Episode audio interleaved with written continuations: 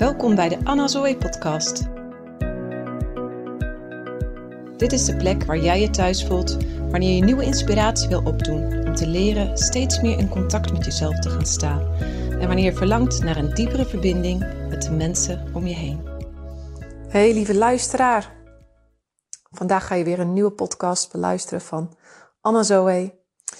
En wat voor een, wat heb ik hierop gestruggeld op deze podcast. En uh, nou, eigenlijk vooral over op dit onderwerp. Want ik heb een uh, blog geschreven. Welk verhaal vertel ik mezelf? En uh, ik had één keer een feedback gekregen van een vriendin die zei: Ja, sommige zinnen vond ik een beetje verwarrend. Toen ben ik er zelf weer naar gaan kijken. En uh, soms maak ik hele grote sprongen in wat ik vertel. En neem ik niet iedereen mee in mijn gedachtegang. Dus ik dacht, ja, het klopt. Uh, je moet wel heel erg doordenken om te begrijpen wat ik ermee bedoel. dus ik heb er deze week weer een paar keer aangezeten. Hoe bedoel ik het nou precies? Wat wil ik er nou mee zeggen? En ik hoop dat ik het nog iets begrijpelijker heb kunnen maken, die blog. En nu is de kunst om het in een podcast om te zetten. Nou, hartstikke leuk. Dat gaan we doen. Ik heb gewoon wat steekwoorden op papier gezet. Dus ik ga heel veel uit mijn hoofd doen. En uh, lekker dat het uh, vanuit mezelf komt. Welk verhaal vertel ik mezelf? Welk verhaal vertel jij jezelf? Ik kwam erachter dat ik verhalen in mijn hoofd had en vertelde die, uh, waarvan ik het gevoel had, er klopt iets niet, er ontbreekt iets aan. Ik bedenk, ik creëer een verhaal in mijn hoofd en ik vraag me af, is het de waarheid? Klopt het wel? Zo had ik een verhaal over een goede bekende, uh, waarvan ik dacht, hey, die neemt geen contact meer op. We hebben natuurlijk iets moeten uitspreken met elkaar. Zit dat er nog? Is het wel goed? Misschien is die persoon wel boos op me. Misschien vindt die persoon me helemaal niet meer leuk. Wil die geen contact meer? Ben ik dan zo'n moeilijk persoon? En ik ging me allerlei dingen in mijn hoofd halen. En misschien herken je dat wel, dat je dat soort verhalen in je hoofd hebt. En je kan het maar niet loslaten. En uh, ook als ik zo'n verhaal vertelde, merkte ik, het geeft geen opluchting.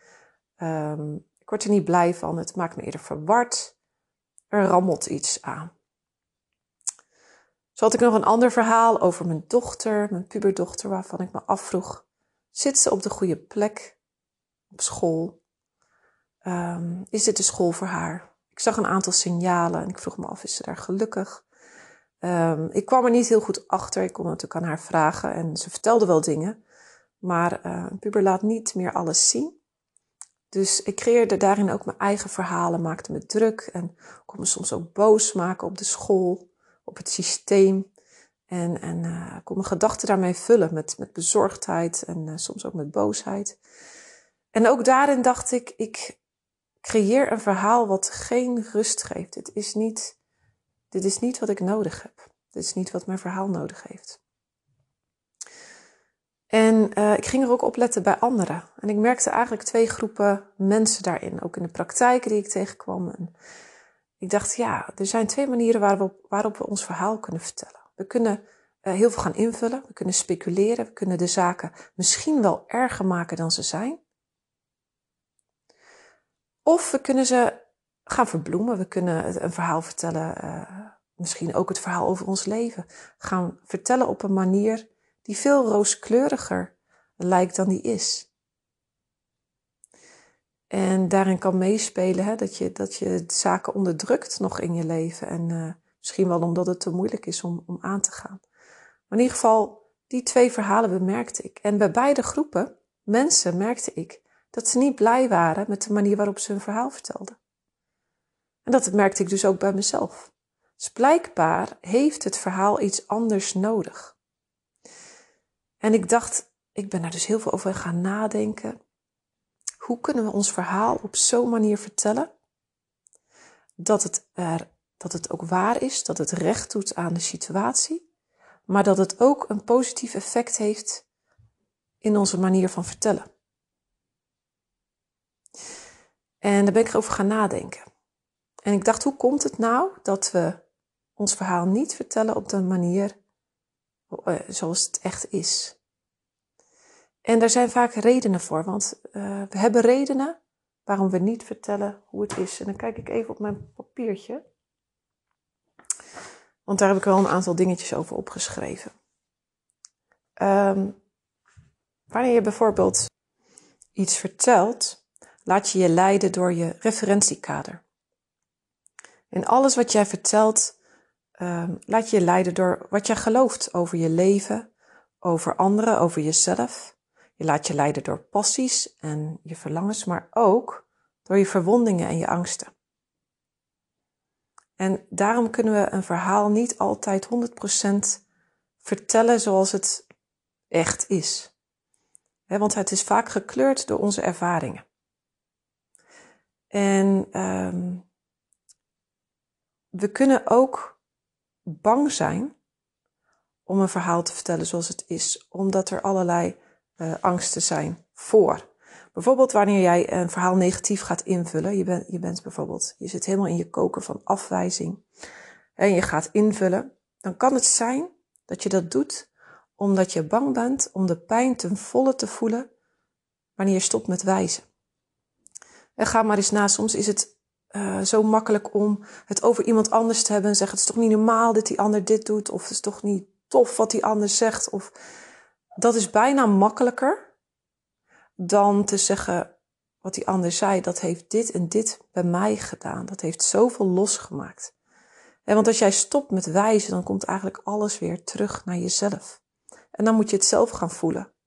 En dat is vaak heel moeilijk, pijnlijk. Hebben we niet geleerd, weten we niet hoe we daarmee moeten omgaan.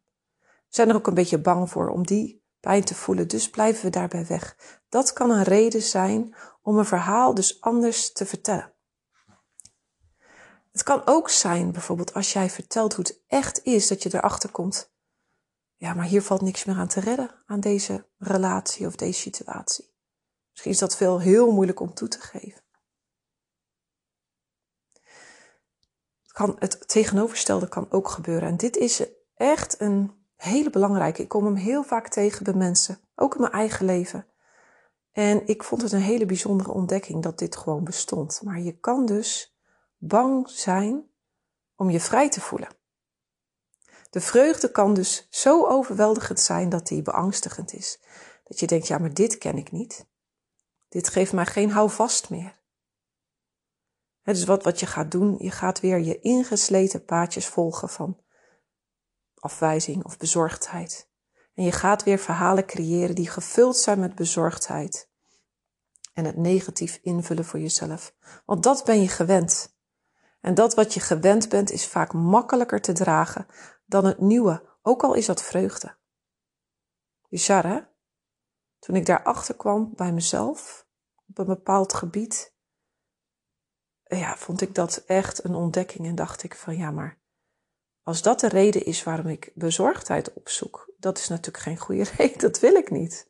En ik ben mezelf toen echt gaan trainen van nee, loslaat, want je zoekt nou gewoon weer iets nieuws om je druk over te maken. Ga nou eens genieten.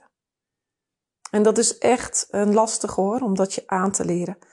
Maar je moet maar eens kijken, is dat ook bij jou aan de hand?